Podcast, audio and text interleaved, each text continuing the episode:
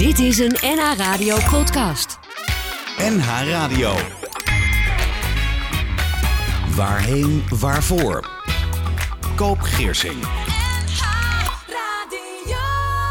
De Nederlandse Franciscanen maken deel uit van een wereldwijde broederschap binnen de Rooms-Katholieke Kerk, gesticht door Franciscus van Assisi. De officiële naam is Orde van de Minderbroeders. Franciscus koos hiervoor vanwege het ideaal om als broeders van de armen, de minderen, bezitloos te leven en er helemaal te zijn voor God en behoeftige medemensen. Mijn gast vandaag in Waarheen Waarvoor is broeder Ver van de Rijken. En ik mag Ver zeggen. Ver is Franciscaan, studeerde klinische psychologie en pastorale theologie.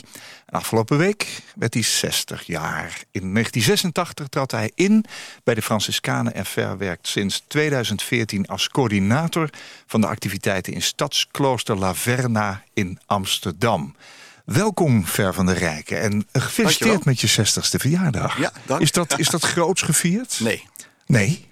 Nou, ik, ik, ik, uh, ik heb er ook geen bijzonder gevoel bij. En uh, de, de, broeders waren er natuurlijk. En mensen ja. van kantoor van Laverna. En verder uh, weinig mensen live vanwege corona. Natuurlijk, daar houden we ons ook aan. Maar via Facebook liep het via wel, Via Facebook, ja, dat is ongeveer geëxplodeerd. ik ben een mensenmens, dus ik ken heel veel mensen. Ja, dat geloof ja. ik, ja. Um, je bent ook in een habijt. Hoe ja. kan het ook anders? Ben je dan ook priester? Nee, ik ben geen priester. Nee. Ik heb wel de hele studie gedaan. Mm -hmm. Maar ik word wel eens geplaagd dat mensen zeggen... jouw priesterwijding is een kwestie van vijf minuten.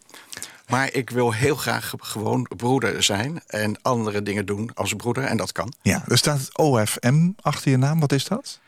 Ja, dat is een Latijnse afkorting van Ordo Franciscanum Minorum. Nee, Ordo, Ordo Fraterum Minorum, Orde van de Minderbroeders. Dat is de de beetje plechtige namen van ons. Ja. Minderbroeders. Ja. De minderbroeders, ja, dat heb ik net al gezegd. Hè. Ik, ik kwam deze week een Amsterdammer tegen en vertelde over jouw aanwezigheid vandaag in de studio. Een stadsklooster, vroeg hij. Waar zit dat dan? Uh, wat, wat is stadsklooster Laverna? Dus we zitten in Nieuw-West, uh, vlakbij metrohalte uh, Posjesweg... als mensen ons zouden willen zoeken. Uh, daar zitten we al uh, vele jaren. Het is een modern klooster. Als je er langs fietst. Niet van die hele hoge wanden met, met dampende muren aan de binnenkant. Nee, het is een ophaalbrug. En... Het klassieke beeld schets jij ja. nu.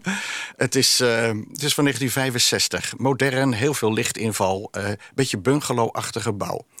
En wij doen daar al 23 jaar, zeg ik uit mijn hoofd hebben een heel aanbod. Ongeveer 100 activiteiten per jaar. Mm -hmm. Cursussen, workshops, lezingen. Voor? Op het brede gebied van wat wij noemen spiritualiteit. Kijk, en wij zijn als broeders christenen, katholiek. Dus wij bieden heel christelijke, heel katholieke dingen aan. Bijvoorbeeld Gregoriaans, avond over bidden... Uh, zingen, Franciscaanse tekstlezing. Maar we doen ook allerlei andere dingen die veel breder zijn. En voor uh, wie is het? Het is voor wie?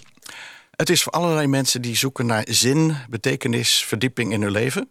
En uh, ja, dat andere, een hele andere tak van sport is dat we ook sacrale dans doen, uh, familieopstellingen, uh, autobiografisch schrijven. Dus het is heel erg gericht op menswording. Ja. En uh, dat, dat heeft zoveel mogelijke ingangspoorten. En wij proberen dat allemaal aan te bieden. Hoe kan ik me aanmelden? Oh, we hebben een website. Daar, uh, Laverna, stadskloosterlaverna.nl. Oh ja. Ja, ja, uh, we sturen digitale nieuwsbrieven. Mensen kunnen opbellen, uh, mailtjes sturen. Langs allerlei wegen kan dat. Ja, dus als je op zoek bent naar wat dan ook... wat met een van dat aanbod te maken heeft... dan kom je in aanmerking ook. Ja, zeker. We zitten alleen nu met de coronaproblematiek. En we zijn in het hart getroffen, want wij zijn zeer gastvrij, al zeg ik het zelf. Mensen vinden het erg leuk om elkaar te ontmoeten. En uh, ja, dat moeten we nu op anderhalve meter afstand doen. Dus de groepen zijn kleiner. Ja. En we hebben ook een hele tijd volstrekt stilgelegen. Heel jammer. Ja. Maar uh, we houden ons ook aan al die uh, maatregelen van het RIVM. Ja, die kan niet anders, denk kan ik. niet anders, zeker nee, niet. Veel dingen online gedaan ook? Nou, die gaan we nu wat ontwikkelen. Maar dat vind ik wel een hele andere tak van sport. Is het ook? Daar moet je ook wel professioneel in zijn. Je kunt niet zomaar een microfoontje bij iemand voorhouden... en een cameraatje erop zetten. Dat is, uh... Dus we zijn er wel mee, aan be mee bezig. Ja. We willen dingen gaan doen in de buitenlucht. De gewone dingen doen corona-proof, zeg maar. En digitale dingen gaan aanbieden. Ja. Ja. Je bent hier op de fiets naartoe gekomen naar de studio vanmorgen. Ja. Uh, je was hier al voordat ik uh, binnenkwam. Uh, hoe, hoe ziet jouw zondag doorgaans uit? Uh, ja, de laatste paar jaar, sinds de dood van mijn vader, dat is bijna drie jaar geleden, sta ik s morgens vroeg op. Dan ga ik met de auto naar Delft. Daar woont mijn moeder. Die is inmiddels bijna 86. ik hou haar op, gaan we naar de kerk. Of we kijken samen naar de televisie Mis, die is er ook. Oh ja. Daarna, ja, we drinken koffie, bezoeken het graf van mijn vader. soms gaan we eentje rijden met de auto. We praten over de dingen van het leven, zeg maar. Ja. En mijn zus en zwager wonen daar in de straat, dus die bezoek ik dan ook. Oké, dus echt een vrije dag voor je ook, wat ja, dat betreft. zeker. Ja. Meestal ben ik wel smiddags om vijf uur terug in Amsterdam... want dan bidden wij als broeders ons avondgebed. Dat vind ik wel een heel mooi moment om dan weer aan te sluiten. Daar moet je ook bij zijn dan? Uh, nee, er moet weinig in ons leven. ja, dat vind ik Oh, leuk als mensen vragen over kloosterleven. Zeggen Ja. zo, moet je dan niet dit en mag je dan niet dat? Ja. Maar eh, ik vind het gewoon heel fijn om te bidden samen met de broeders. Dus dat is een heel positieve keuze om daar dan te zijn. Ja, dat begrijp ik ook. We gaan dit uur onder andere samen praten over jouw rol in dat stadsklooster. Over jouw taak hier op aarde, zullen we maar zeggen. Doe maar. Eh, en over het project In en Uit de Kist. Je hebt bovendien drie betekenisvolle liedjes meegenomen... die je op jouw eigen uitvaart wil laten horen. Broeder Ver van der Rijken is mijn gast. Hij vervulde binnen de broederschap diverse functies... waaronder novicemeester en jongerenwerker... en droomt van een hele dag piano spelen op Amsterdam CS... met een groep zingende mensen rond de vleugel. Hmm, ik zie jou al in habijt achter zo'n piano zitten op zo'n station ver. Want je bent hier ook met Nou, ik een, ben met nu een in pak, hè? maar meestal loop ik niet in Arbeid en niet op Nee? het station. Oh, is het vandaag speciaal voor de Eh, nee hoor, ik heb het iedere dag eh, aan eh, in het ochtendgebed... maar daarna loop ik gewoon in spijkerbroek. Oh ja. Ja. Ja, dus onherkenbaar, zullen we maar zeggen. Anoniem. Ja, ik draag wel een kruisje met, eh, met Jezus daaraan eh, verbonden. Ja. Dus dan valt, dat valt wel op. Mensen Ja. zien ook wel dat ik dat draag, dat het niet zomaar een sieraadje is of zo. Nee, begrijp ik. Ja. Als je als luisteraar denkt, eh, even kijken hoe dat eruit ziet... dan moet je even inloggen op eh, NH Radio of NH Nieuws... en dan kijk je eventjes mee in de studio. Waar komt jouw liefde voor pianospelen vandaan, Ver? Als eh, tienjarige jongen heb ik mijn eerste pianolessen gehad. Oh ja. Maar meteen als ik eh, gewoon oefeningen ging doen, zeg maar, eh, liedjes van de radio, zat ik met één vinger uit te zoeken op de piano. En dat is inmiddels uitgegroeid. Ja, nou speel ik 50 jaar. Ja, dus dit jaar 50 jaar. Ik Speel je vaak? Nee, eh, nauwelijks meer. Het komt er niet van. Ja, Nee, nee, te druk. te druk. Ja, Ja. ja. Want je zegt, eigenlijk zou ik heel graag op eh, Amsterdam Centraal... eh, achter Ah ja, maar als ik in. Utrecht ben op station in Nijmegen... dan ga ik gewoon af en toe even erachter zitten. Als die vrij is, hè, want hij is heel vaak bezet. Ja. Maar ik herinner me een keer dus dat ik in Nijmegen... er was van Shostakovich zat te spelen. En eh, achter mij hoorde ik wat gerucht. En toen waren er een paar moslimmeisjes aan het walsen. Nou ja. dat vond ik schitterend. De Gesluierde second waltz. meisjes. Ja, ja, ja. ja. Ja, bekend geworden in Nederland eh, vooral door André Rieu. Nou ook, en of, ja. ja. Jij studeerde ooit klinische psychologie. Waarom ben je dat destijds gaan doen en, en wat wilde je er aanvankelijk mee? Eh, als twaalfjarige jongen had ik een beroepskeuzetest. En dat was zo grappig. De, al mijn scores waren laag. En de score van dingen doen met mensen... die was zo hoog dat die buiten het papier van de onderzoekster viel. Oh ja? En nu denk ik 50 jaar verder, eh, dit ben ik helemaal. Ik ben mensenmens, ben de hele dag bezig met mensen. En ik hoef geen zwarte tulp te kweken. Ik hoef niet veel geld te verdienen. Ik hoef niet de natuurwetenschappelijke kant op. Eh, ik ben met mensen bezig. Ja. En eh, omdat ik na het ateneum niet precies wist wat ik daarmee wilde... ben ik eh, klinische psychologie gaan doen. Want dat is zo'n brede opleiding om met mensen bezig te zijn. En of je dan de reclame ingaat of de psychiatrie... of ja, voor de klas gaat staan... dat kan allemaal met een achtergrond in de psychologie. Wist je al wat je wilde dan, toen? Toen je dat ging studeren? Wel Want, uitdrukkelijk in de hulpverlenende kant, ja. En eh, dus ik ben ook eh, afgestudeerd op eh, gesprekken met jonge mensen... die door zelfdoding hun vader of broer hadden verloren. En toen heb ik al gevraagd... wat voor rol heeft jouw religie, jouw geloof gespeeld... om dat te verwerken? En ik heb ook in de psychiatrie stage gelopen. Gesloten opnameafdelingen bijvoorbeeld. Dus ik heb wel de, de, eh, ja, de kelders van het, eh, van het mens zijn ook gezien. Hoe Ja. erg het is als mensen zo diep kunnen zakken. Ja. Ik heb er ook verschrikkelijk veel gelachen. En dat verwachten mensen niet. Maar het is allemaal zo menselijk dat je er ook kunt lachen. ja, ja. Even het gezin van de rijken, vader, moeder. Vader, eh, moeder, een zoon broer die een jaar ouder is dan ik... en een ja. zus die twee jaar jonger is dan ik. Ja, Ja. die nog in Delft eh, wonen, bij jouw moeder. in Nou, de buurt, in de mijn, moeder woont, mijn zus woont in de straat bij mijn moeder. Maar mijn broer zit helemaal diep in de, de westhoek van Vlaanderen. Oh, echt waar? Ja, ja, Oh, en mijn vader is dus drie jaar geleden overleden. Ja, ja. Ja. precies. Bijna. Katholiek gezin? Katholiek gezin, ja. Ik ben vanaf de eerste dag van mijn leven katholiek. Ja. Mijn moeder lag bij te komen van de bevalling... en mijn vader nam mij mee op zijn arm naar de kerk... om, eh, om het te laten dopen met een paar familieleden erbij. en op te dragen aan Maria. Dat was. eh, Dat mijn is- derde naam is ook Maria, Oh ja? doopnaam. Ja, Ja. en wat, hoe zijn de andere namen? Ferdinand, Clemens, Maria. Oh ja, kijk aan. Clemens is patroon Maar- van eh, hopeloze zaken. Dus dat eh, Is dat zo? is goed gekomen. Ja. Ja, uiteindelijk wel, hè? Ja. ja. Eh, Was je in, in jouw, zeg maar, tienerjaren ook nog katholiek? Je ziet veel... Nou, wonder boven wonder. Ik ben altijd naar de kerk blijven gaan. Ook al verloor ik al mijn klasgenootjes en zo. Die, en vriendjes uit de straat. Die allemaal niet meer gingen. Ik, eh, ik, maar ik ben mee gaan doen in de kerk. Ik, ging, ik werd lid van het jongerenkoor. Eh, ik werd gevraagd om in vieringen mee te doen. Om een Wat, wat lezing te trok doen. je daar zo in aan als, als tiener? Ik heb altijd het gevoel gehad dat daar goede mensen samenkwamen... die met mooie, opbouwende dingen bezig waren. Mensen die zochten naar diepgang in het leven, bezieling. In de katholieke kerk is ook altijd veel te zien.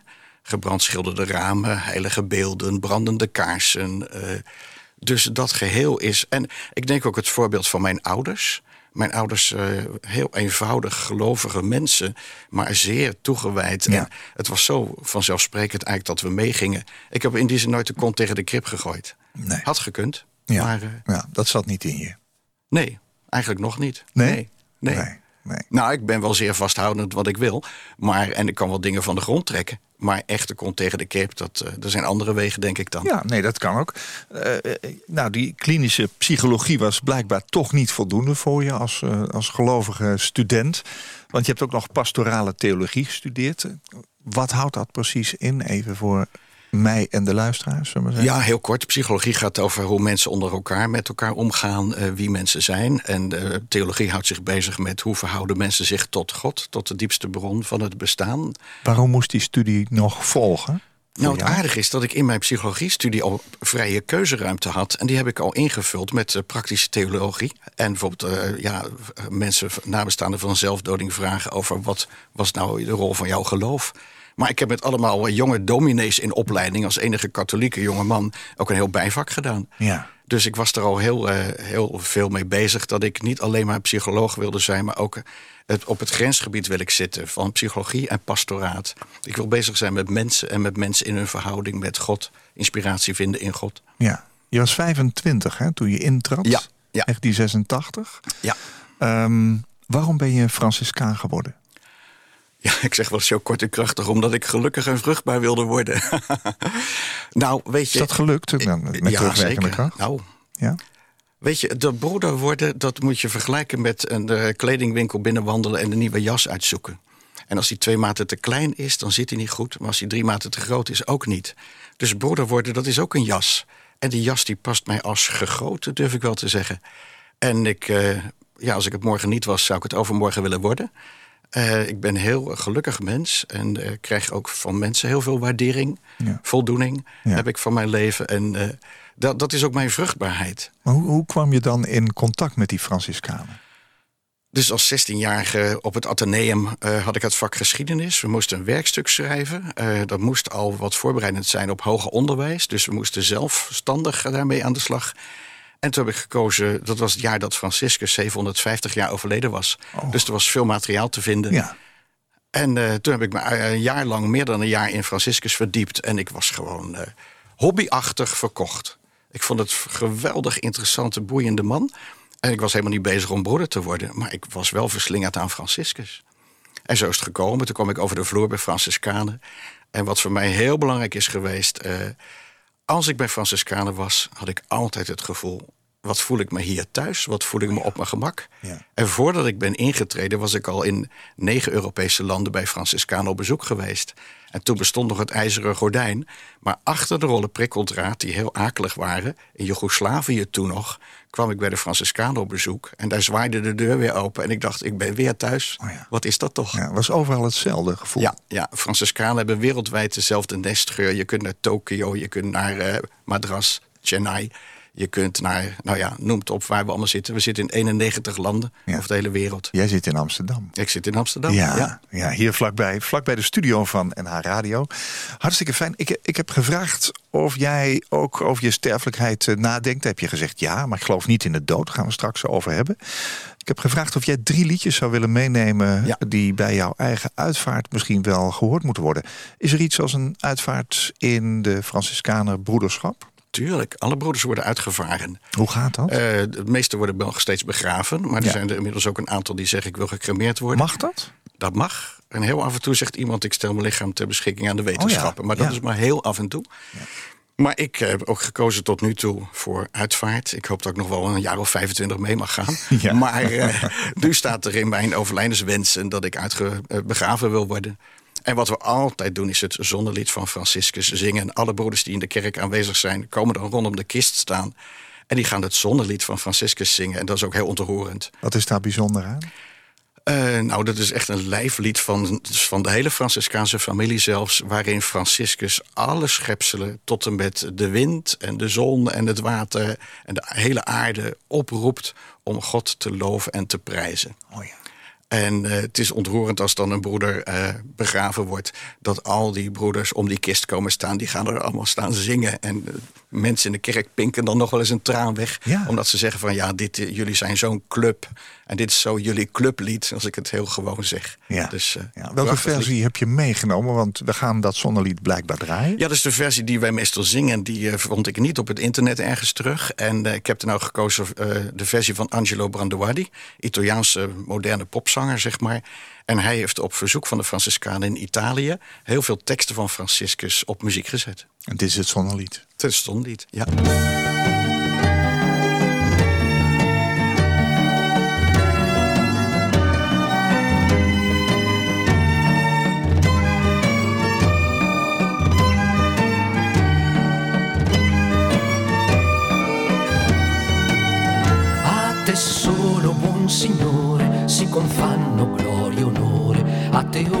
Ogni laude et benedizione. A te solo si confanno che l'Altissimo tu sei e null'uomo degno è temento vare. Sii laudato mio Signore con le tue creature, specialmente fra te sole la sua luce. Tu ci illumini di Lui, che bellezza e splendore, di te altissimo Signore porta il segno. Sii laudato mio Signore, per sorelle, luna e stelle, che tu in cielo li hai formate, chiare e belle.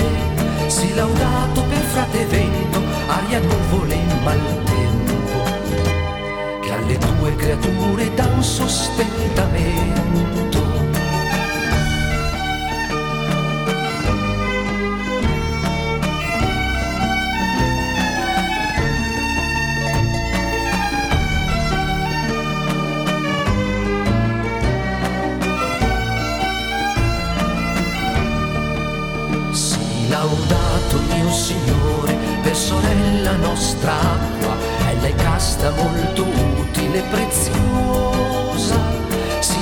Laudato per frate fuoco che ci illumina la notte. Ed è bello, giocondo e robusto e forte.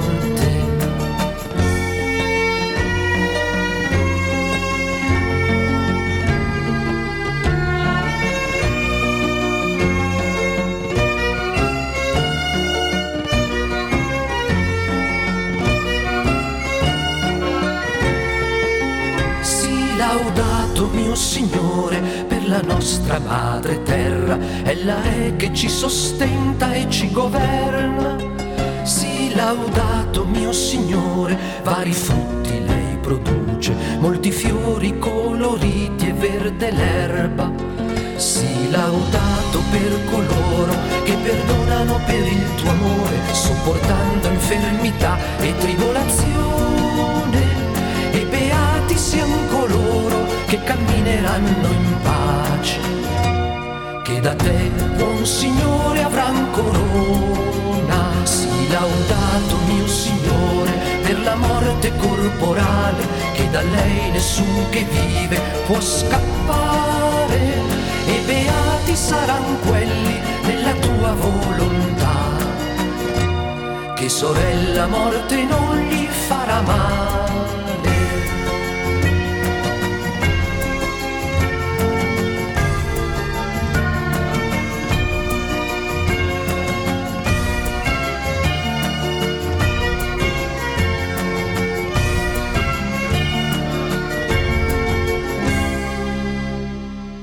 Angelo Branduardi, de man die zoveel variatie in zijn muziek stopt. Van middeleeuws, folk, pop, improvisatie, experimenteel, klassiek en zelfs jazz. En ja, wat niet eigenlijk. Het leidt geen twijfel dat Angelo een begenadigd muzikant en liedjeschrijver is. Il Cantico delle Creature de lofzang van de wezens. En je vertelde al ver van dat... de schepselen, ja. Ja, de, de schepselen? Lofzang van de schepselen. Ja, ja. ja, dus wat anders dan wezens, begrijp ik. Ja, nou, dat was... Nee, want de wind heb je het ook over gehad. Dat Zeker. is natuurlijk een schepsel. Ja, ik snap het. Het zonnelied is een gebed uit de Rooms-Katholieke traditie... geschreven door de heilige Franciscus van Assisi. En dit was het eerste lied dat in het Italiaans werd geschreven. Ja, in het uh, Umbrische dialect. Dus taalwetenschappers vinden dit een waanzinnig interessant Ja. stuk tekst. Ja, Ook ja. als eventueel met de inhoud verder niks hebben. Nee, dat begrijp ik Ja. ook. Broeder is hij, ver van de rijk. Hij is mijn gast vandaag in Waarheen, Waarvoor. Ik heb al even gezegd, je hebt mij laten weten dat je niet in de dood gelooft.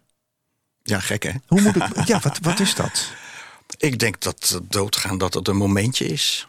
Drie jaar geleden is jouw vader overleden. Drie jaar geleden is mijn vader overleden. Ik zat naast zijn bed toen die ging. Samen met mijn zus. Is er dan verdriet bij jou? Ja, dat barst dan even los. Omdat het ook zo'n zo'n groots en spannend gebeuren is. Maar we waren er wel helemaal naartoe geleefd. En eh, Is je vader ziek? kanker, ja. ja. En eh, dankbaarheid speelt in mijn leven een heel grote rol. En ik merk dat ik zo dankbaar was voor wie die altijd was geweest. En, ehm, en wie die nog is. Ik geloof ook dat hij er nog is. Voor mij, voor ons. En, eh, Je hebt afscheid Dus van zijn lichaam genomen. Hè? ik heb afscheid van zijn lichaam genomen. Zijn ziel leeft verder. Daar ben ik zo van overtuigd. En, eh, en in, die zin, in die zin geloof ik niet in de dood. Het lichaam sterft, maar de ziel gaat verder. Bram Vermeulen schreef ooit... Huil niet als ik dood ben. Ik ben niet echt dood, moet je weten. Zie Het is slechts een lichaam dat ik achterlaat. Oh, geweldig. Dood ben ik pas als jij me bent vergeten. Nou, ja. Klopt dat? Wat jou betreft? Ja, kijk, eh, sommige mensen zeggen van... ja, de mensen zijn niet dood zolang we nog aan hen denken. Maar dan gaat het ook alleen maar over de menselijke relatie van de herinnering. Maar ik geloof dat mensen ook voor het leven... zelfs als er niemand meer aan hen denkt. Ja. Dus dat dat een nog veel groter gebeuren is dan, dan alleen maar herinnering. Ik heb mijn vader niet alleen maar in mijn herinnering. Daar heb ik er natuurlijk duizenden van. Maar ik heb hem ook eh, levend eh, om mij heen, in mijn hart. Hij is bij God, in Gods liefde. En van daaruit is hij op ons betrokken. Zo leef ik, zo Praat, praat voel je ik nog wel eens met je vader? Eh, heel af en toe, maar ik hoef niet met woorden met hem te praten. Hij is er gewoon, zeg maar. En eh, af en toe zeg ik wel eens wat. Ik heb een foto van hem op mijn kamer staan. En af en toe zeg ik wel eens wat. Of eh, kom op, zorg, eh, zorg voor mijn moeder. Zo, hè? en zoals hij ook tegen ons zei van... zorg goed voor je moeder, als Ja. ik er straks niet meer ben.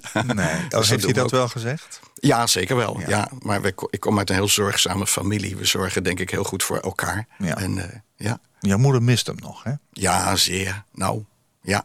Ze waren, eh, ja, zeg maar zo 65 jaar samen.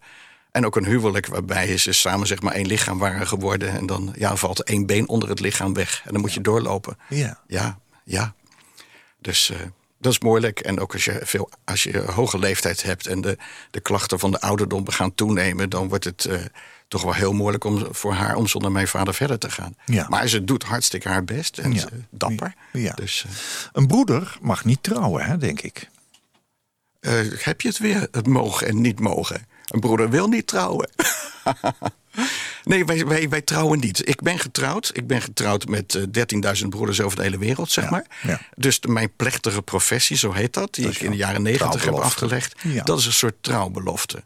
Dus ik voel wel dat ik als eh, getrouwde man door het leven ga.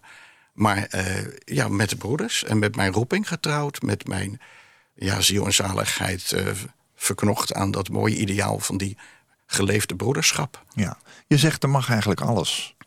Eh, is het voorstelbaar dat iemand wel met een vrouw getrouwd is dan? Nou, ik zal niet zeggen van ons leven dat alles mag. Maar het jammer vind ik dat heel veel mensen door de bril van mogen en niet mogen vaak kijken naar alles wat met kerk te maken heeft. Terwijl ik denk, daar zit een hele positieve keuze vaak onder van verlangen, van, van willen, zeg maar. Eh, nou, kijk, het aardige is, Franciscus is niet van de Franciscanen. Er zijn dus heel veel mensen die geïnspireerd zijn door Franciscus. En dat was al in zijn tijd. Want in zijn tijd waren er al mensen, boeren tot met slagers en tandarts eventueel. Die zeiden: hoe jij leeft, dat willen wij ook. Maar wij zijn inmiddels getrouwd. We Ja. hebben kinderen, we hebben die verantwoordelijkheid. Ja. En dan zei hij van: dan beginnen we voor jullie een eigen club. Ja. En dat is wat wij noemen de, de orde van de seculieren, de derde orde. En die is er nog steeds. Ja. En dat vind ik ook een prachtige manier van leven. Als ik geen broeder zou zijn zoals nu van de eerste orde, zou ik echt de derde orde broeder willen worden. ja. Is er ook een tweede orde dan? Ja, dat zijn de zusters Clarissen. Wonen onder andere in Megen en Nijmegen. En eh, ja, ook zusters in zo'n bruin habijt, bruine cadeauverpakking met zo'n wit koord. cadeau, een cadeauverpakking. Ja. Ik ben blij dat de humor ook een grote Ja, rol speelt in het leven. tuurlijk. Ja, ja. De officiële naam van de Franciscanen is Orde van de Minderbroeders. Je hebt al gezegd, hè, vanwege het ideaal om als broeders van de armen, de minderen, bezitloos te leven. Ben je bezitloos? Eh, ja, kijk, het horloge wat ik draag en de iPhone die ik heb, jou. zeg maar, dat is zeg Ja. maar van mij. Maar Ja. eh, eh, van het huis waarin ik woon is geen steen van mij. Nee. Als, ik, als ik morgen zou uittreden, dan krijg ik wel een paar duizend euro mee van de broeders om een nieuw bestaan op te bouwen. Maar in feite heb ik niks echt als eigendom. Dat moet toch een geweldig gevoel zijn? Ja, heerlijk. Ik begrijp ook niet waarom niet meer mensen broeder willen worden. Ja. Het is gewoon een geweldig Nee, leven. Dat, je ook, dat je ook eh, geen, je leidt dus ook niet onder bezittingen, onder verantwoordelijkheden van bezittingen. Nee, Je maakt je geen zorgen over bezittingen. Eh, nee, we moeten er wel goed mee omgaan. Dus Mhm. bijvoorbeeld onze kloosters, daar zijn we ook volop mee bezig om ze te vergroenen. En daar duurzaam in te leven. En dan kun je ook eindeloos bezig zijn met allerlei dingen die dan georganiseerd moeten worden. Ja. En rapporten lezen en hoe gaan we dat dan allemaal doen. Of subsidie aanvragen enzovoort. Maar eh, dus, dus eh, leven zonder bezit heeft ook iets wat heel vrij is. Ja. Maar bovendien ook lid zijn van een grote broederschap. Als je er samen voor staat, ben je er ook om elkaar te dragen. Ja. En dat zou ik ook heel veel mensen gunnen. Dat geloof ik. Hè? Bezitloos eh, leven, er helemaal zijn voor God en de behoeftige medemens. Nou, die, die, die behoeftige medemens die is er nogal. Hoe breng je dat als Franciscaan anno 2020 in de praktijk? Ja, dus eh, Franciscus die zei al, de broeders die moeten doen waar, de dingen doen waarvoor ze geleerd hebben. Hè? Dus eh, dat vind ik ook heel mooi. Eh, sluit nou aan bij datgene wat jouw talenten zijn. Ja, ik ben op het moment coördinator van La Verna met al die cursussen en eh, workshops en lezingen, zeg maar.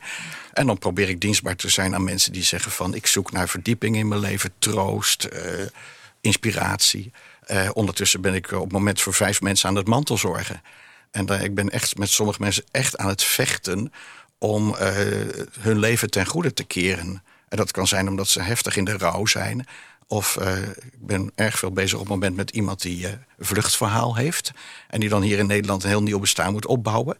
En dan merk ik wel door wie ik ben en soms ook mijn, mijn taalvaardigheid, weet ik af en toe wel een deurtje voor hem te openen. Het moet nog even verder gaan. Maar eh, dus ik maak mij sterk met wat ik ben en wat ik kan. Voor eh, ja, mensen in nood, dan ga ik, gaat mijn hart helemaal hard kloppen. Ja, ja. En, Eh, ben je dan ook klinisch psycholoog? In een aantal opzichten zeker, ja. Ik verwoord vaak voor mensen in brieven een aantal dingen... waardoor ik probeer iets van de grond te krijgen. Eh, luisteren. En soms ook heel simpel alleen, alleen maar er zijn. Ja. Soms kun je werkelijk bijna niks anders doen dan er zijn. Ja. Ik denk, ja, en eigenlijk is dat het mooiste. Dat missen we in deze coronatijd, dat we te weinig samen kunnen zijn. Ja. Ik denk, nou, ik, voor veel mensen ben ik ook wel een, eh, een oor. Ja. Ja. Je hoort heel veel. Je maakt ook heel veel ellende mee. Wat dat betreft. En, en je bent een heel positief mens als je zo Ja. met mij praat. Ik zie dat je altijd kiest voor de kant van de oplossingen. Ja, ik- Eh, je zegt ja. wel eens, eh, dat, dat vertelde je me straks, ik lig meestal wakker van de oplossingen. Welke moet ik kiezen? Hoe moet ik dat gaan aanpakken? In plaats van dat ik wakker lig van Ja. de problemen. Eh, drukt dat op je schouders in enig... Je bent ook een mens, hè, toch? Jazeker, nou en of. Het je gaat, me niet, last van dingen. het gaat me niet in de koude kleren zitten... wat ik eh, met mensen af en toe meemaak. En, maar het is wel zo dat ik heel erg geneigd ben om... eh, ja, er is een uitspraak die niet helemaal klopt... maar die luidt in het Engels... there are no problems, there are only possibilities. Ja. Er zijn geen problemen, er zijn alleen maar oplossingen. Oplossingen. Nou, dat vind ik iets te kort door de bocht. maar dat je probeert met problemen... en van, ja, hoe kan ik er op een andere manier naar kijken? En zijn er dan oplossingen? Of als je het zelf niet kunt, ken je iemand anders met bepaalde mogelijkheden en talenten die jou dan kan helpen? Ja. En dan zit ik in een gigantisch netwerk van mensen. Dus ik heb ook heel vaak dat ik zeg van, joh, eh, zo en zo. eh, kun jij even komen helpen? Want jij bent heel goed in, nou, Italiaans. Jij bent heel goed in het lezen van testamenten. Of jij bent heel goed in, nou... Dus die hulp kan ik ook wel voor andere mensen inschakelen. Ja, je bent ook een schakel. Maar als ik s'avonds naar het 8 uur journaal kijk, dan denk ik heel vaak van: oh, oh, oh, wat, een, wat verschrikkelijk wat mensen door moeten maken. Ja. Kijk, en Beirut was eh, twee weken geleden heftig. En Beirut waait nu wel voorbij, bijna in de aandacht. En ondertussen zitten die mensen daar nog helemaal in de hel. En dat vind ik verschrikkelijke dingen. Ja, dan kan ik wat geld overmaken. Maar heel veel meer voor Beirut kan ik dan ook niet doen. Nee. Bovendien, er is een hele mooie uitspraak. Ik geloof dat die uit de Talmud komt, een Joods geschrift. En die luidt, eh, eh, red één mens en je redt de wereld. Oh ja. Dus ik ben veel meer iemand gefocust op die ene mens die het moeilijk heeft... en kan ik daar het onderscheid maken... eh, dan dat ik een actiegroep in het leven ga roepen om, nou, noem het op. Dus ik ben meer van de directe mensgerichtheid... dan van organisaties in het leven roepen. Ja. En, En da- daarbij kun je ook het gevoel krijgen dat er iets werkt. En dat, Ja, nou dat en iets of. de Ja, goede ja, kant ja, op ja, gaat. ja. Ver, je, je hebt je liedboek voor je liggen. Dat heeft ongetwijfeld te maken met eh, de drie liedjes die je meegenomen hebt vandaag. Ja. Die op jouw uitvaart gehoord eh, eh, zouden moeten worden. Zonnelied hebben we net gehad. Ja. Angelo Branduardi heeft hem gezongen. Waarom heb je het liedboek opengeslagen op een bepaalde pagina? Dit lied dat begint met de eerste regel is De steppen zal bloeien. Dat is een lied wat gedicht is door Huub Oosterhuis. Ook hier uit Amsterdam. En ja, dat is een prachtig lied wat eigenlijk heel bijbels... want hij baseert zich heel sterk bij al zijn liederen op de bijbelse teksten. Dat, eigenlijk zegt dit lied alles komt goed. De dode zou uiteindelijk lachen en juichen.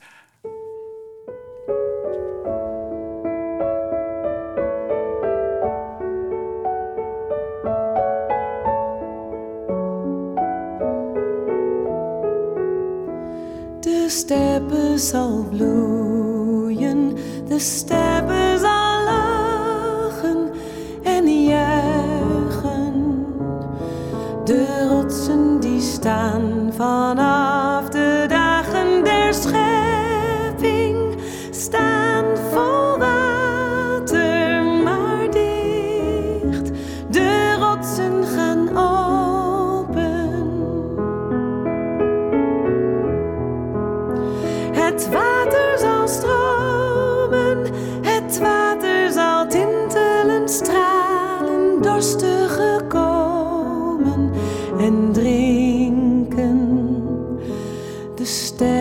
zal drinken, de steppen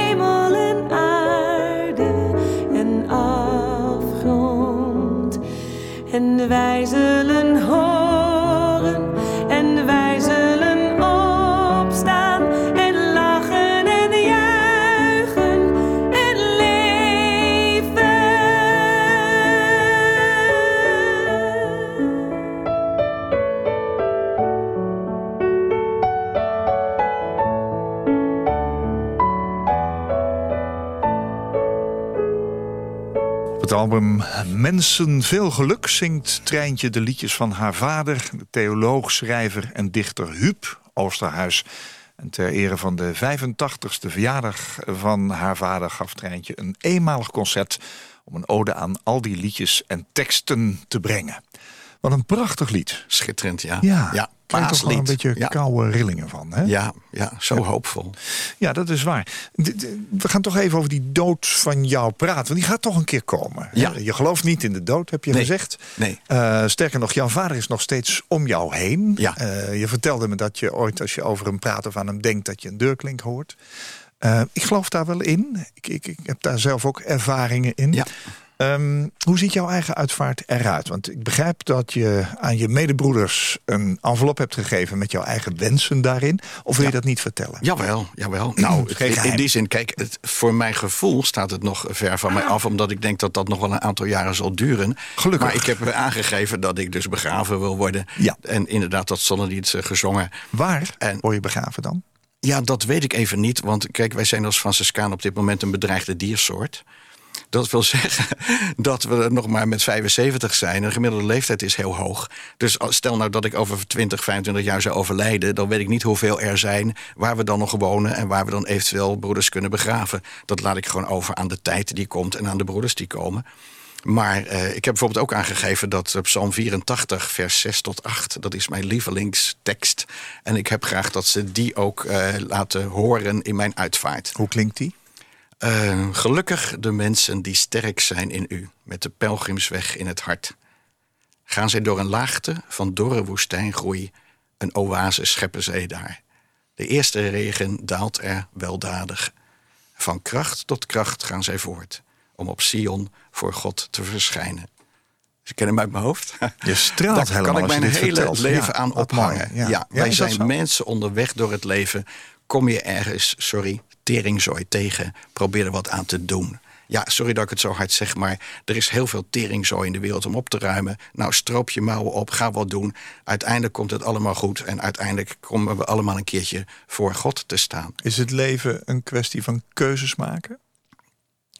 Eh, zeker. Heb je ze Ook. altijd? Ja, eh, dingen overkomen je ook natuurlijk. Ik bedoel, eh, ik, ik, op de terugweg van de radiostudio kan ik onder de tram komen. Ja, om maar even een plastisch voorbeeldje te noemen. Maar eh, je hebt altijd de keuze om in de shit waarin je staat te kijken... kan ik er iets positiefs mee doen? Ja.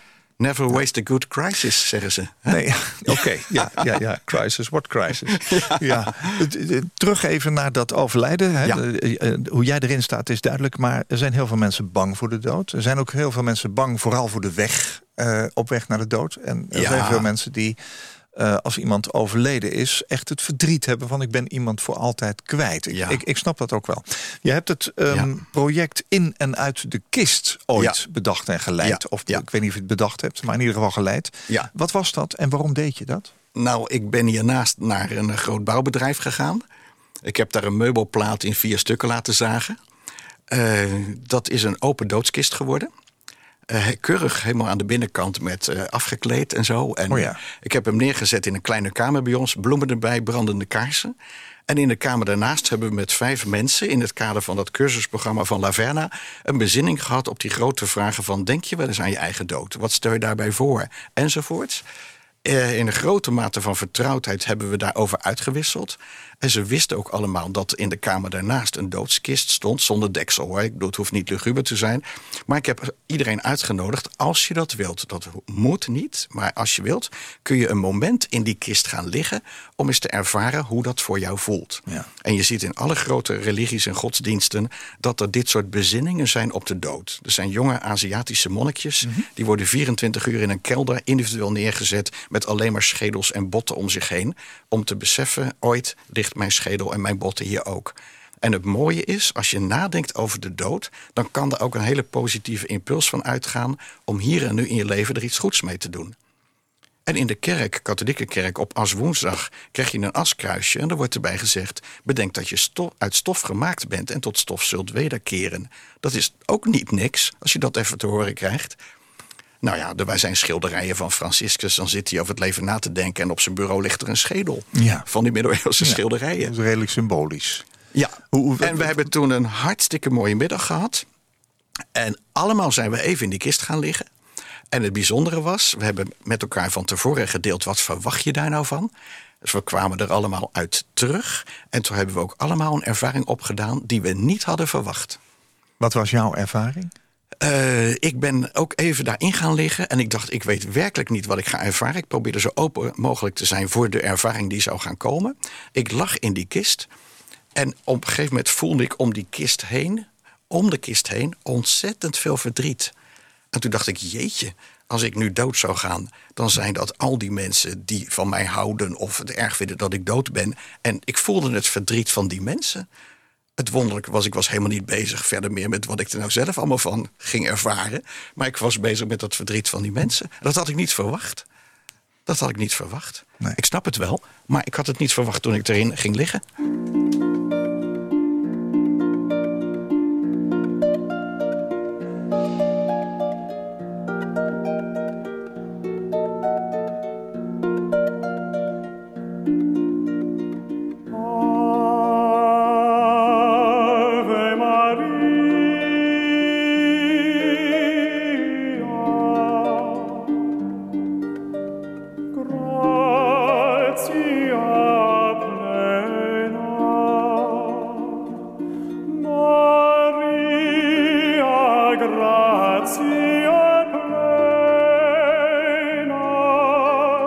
Maria, gratia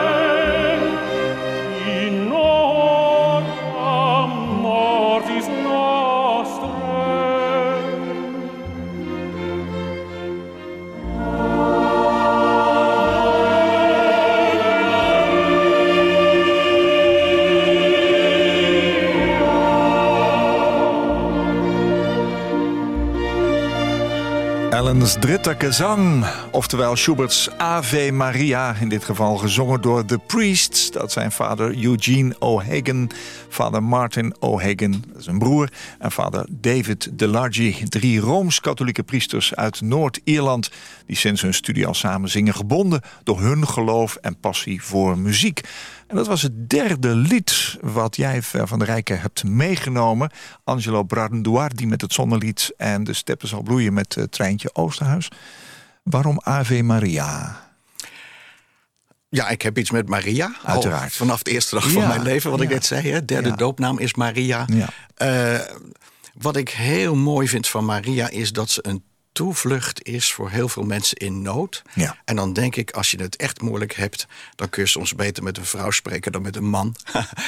en wat ik bijzonder vond is, ik heb ooit in mijn psychologiestudie ben ik het ook tegengekomen dat in de jaren 60, 1960, was er een dogma van Maria ten hemelopneming. Nou, dat is een groot geloofsgeheim, maar de grote Zwitserse psycholoog, psychiater Carl Jung, die zei toen: hè, hè, eindelijk krijgt God een vrouwelijk, moederlijk gezicht.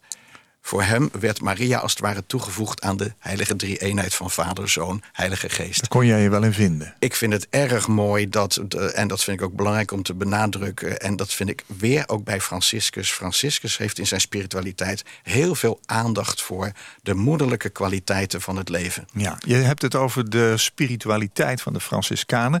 Ja. Die kent drie kernwoorden: danken, dienen en dragen. Ja, zo wordt het wel eens getypeerd. Hoe Ja. zit dat in jouw persoonlijk leven? Eh, dankbaarheid speelt een zeer grote rol. Ik sta iedere dag op en dan eh, soms eh subcomateus hoor. Ik bedoel, ik sta niet elke dag fris en vrolijk op. Ja. Nee, ik, ik sta ook wel eens op dat ik denk, oh, was het nog Wat twee eerder? Ja. Prima. Mhm. Maar ik buig naar een kruis wat ik op mijn kamer heb hangen en ik zeg heel uitdrukkelijk, God, dank u wel dat ik leef. Dat, en ik ben heel dankbaar voor alle goede dingen van, van het leven. En iedere dag heeft wel, ja, tel je zegeningen, mogelijkheden. Count your blessings, vind ik een zeer belangrijke. Ze zeggen wel eens, als je doen. iedere dag eh, voor vijf dingen dankbaar eh, bent en dat benoemt, dan krijg je een veel positiever leven. Ben ik helemaal mee eens. Mensen moeten dat massaal gaan doen. Ja. Vijf dingen noemen aan het eind van de dag. Je valt anders in slaap. Eh, ja, dus dan danken. Dienen. Erg mooi om dienstbaar te zijn. Franciscus heeft ook alsmaar gezegd tegen zijn broeders... je gaat andere mensen ontmoeten, maakt niet uit wie ze zijn. Jij gaat ze dienen. Vraag gewoon, wat kan ik voor je doen? Ja. En dat is ook een manier om met andersgelovigen in contact te komen. Dragen. Wij staan niet boven moslims. Franciscus zei: stel je ondergeschikt op naar moslims en andere, andere gelovigen, andere mensen. En probeer ze te dienen. En dan gaat vanzelf daarna wel een mooi gesprek op volgen. Ja. En dan dragen, eh, ja, draagkracht ontwikkelen in het leven. Dat is een vorm ook van eh, ja, eh, ja, kracht ontwikkelen. En eh, in een samenleving waarbij het korte lontje steeds meer Ja? opgeld doet, denk ik. Laten we toch alsjeblieft ons trainen in geduld, in het uithouden, in het volharden. En eh, ja, draagkracht ontwikkelen, dat vind ik ook. eh, en Jezus heeft zijn kruis gedragen, zeg maar. En Maria heeft Jezus gedragen. Dus daar hangt Franciscus het zelf ook aan op. Mooi. Heb je ooit gerealiseerd dat Maria de eerste draagmoeder was? Vanaf nu weet ik dat. Broeder Ver van der Rijken was mijn gast in Waarheen Waarvoor. Franciscaan. Hij studeerde klinische psychologie en pastorale theologie. Trad 34 jaar geleden in bij de Franciscanen. De orde van de minderbroeders. Broeders van de armen, de minderen. Bezitloos leven en er helemaal zijn voor God en behoeftige medemensen. Franciscanen kiezen voor de kansarmen, bieden hulp aan mensen in nood, komen op voor gerechtigheid en vrede en eerbiedigen de schepping.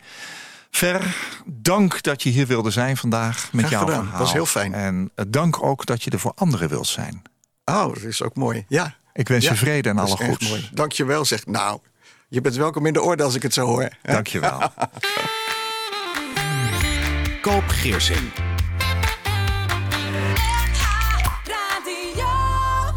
Als jij een keer te gast wilt zijn in Waarheen Waarvoor om te vertellen over jouw levensreis, laat me dat dan weten via waarheenwaarvoor.nhradio.nl. Waarheenwaarvoor.nhradio.nl. Dit was een NH Radio podcast. Voor meer, ga naar nhradio.nl. Radio.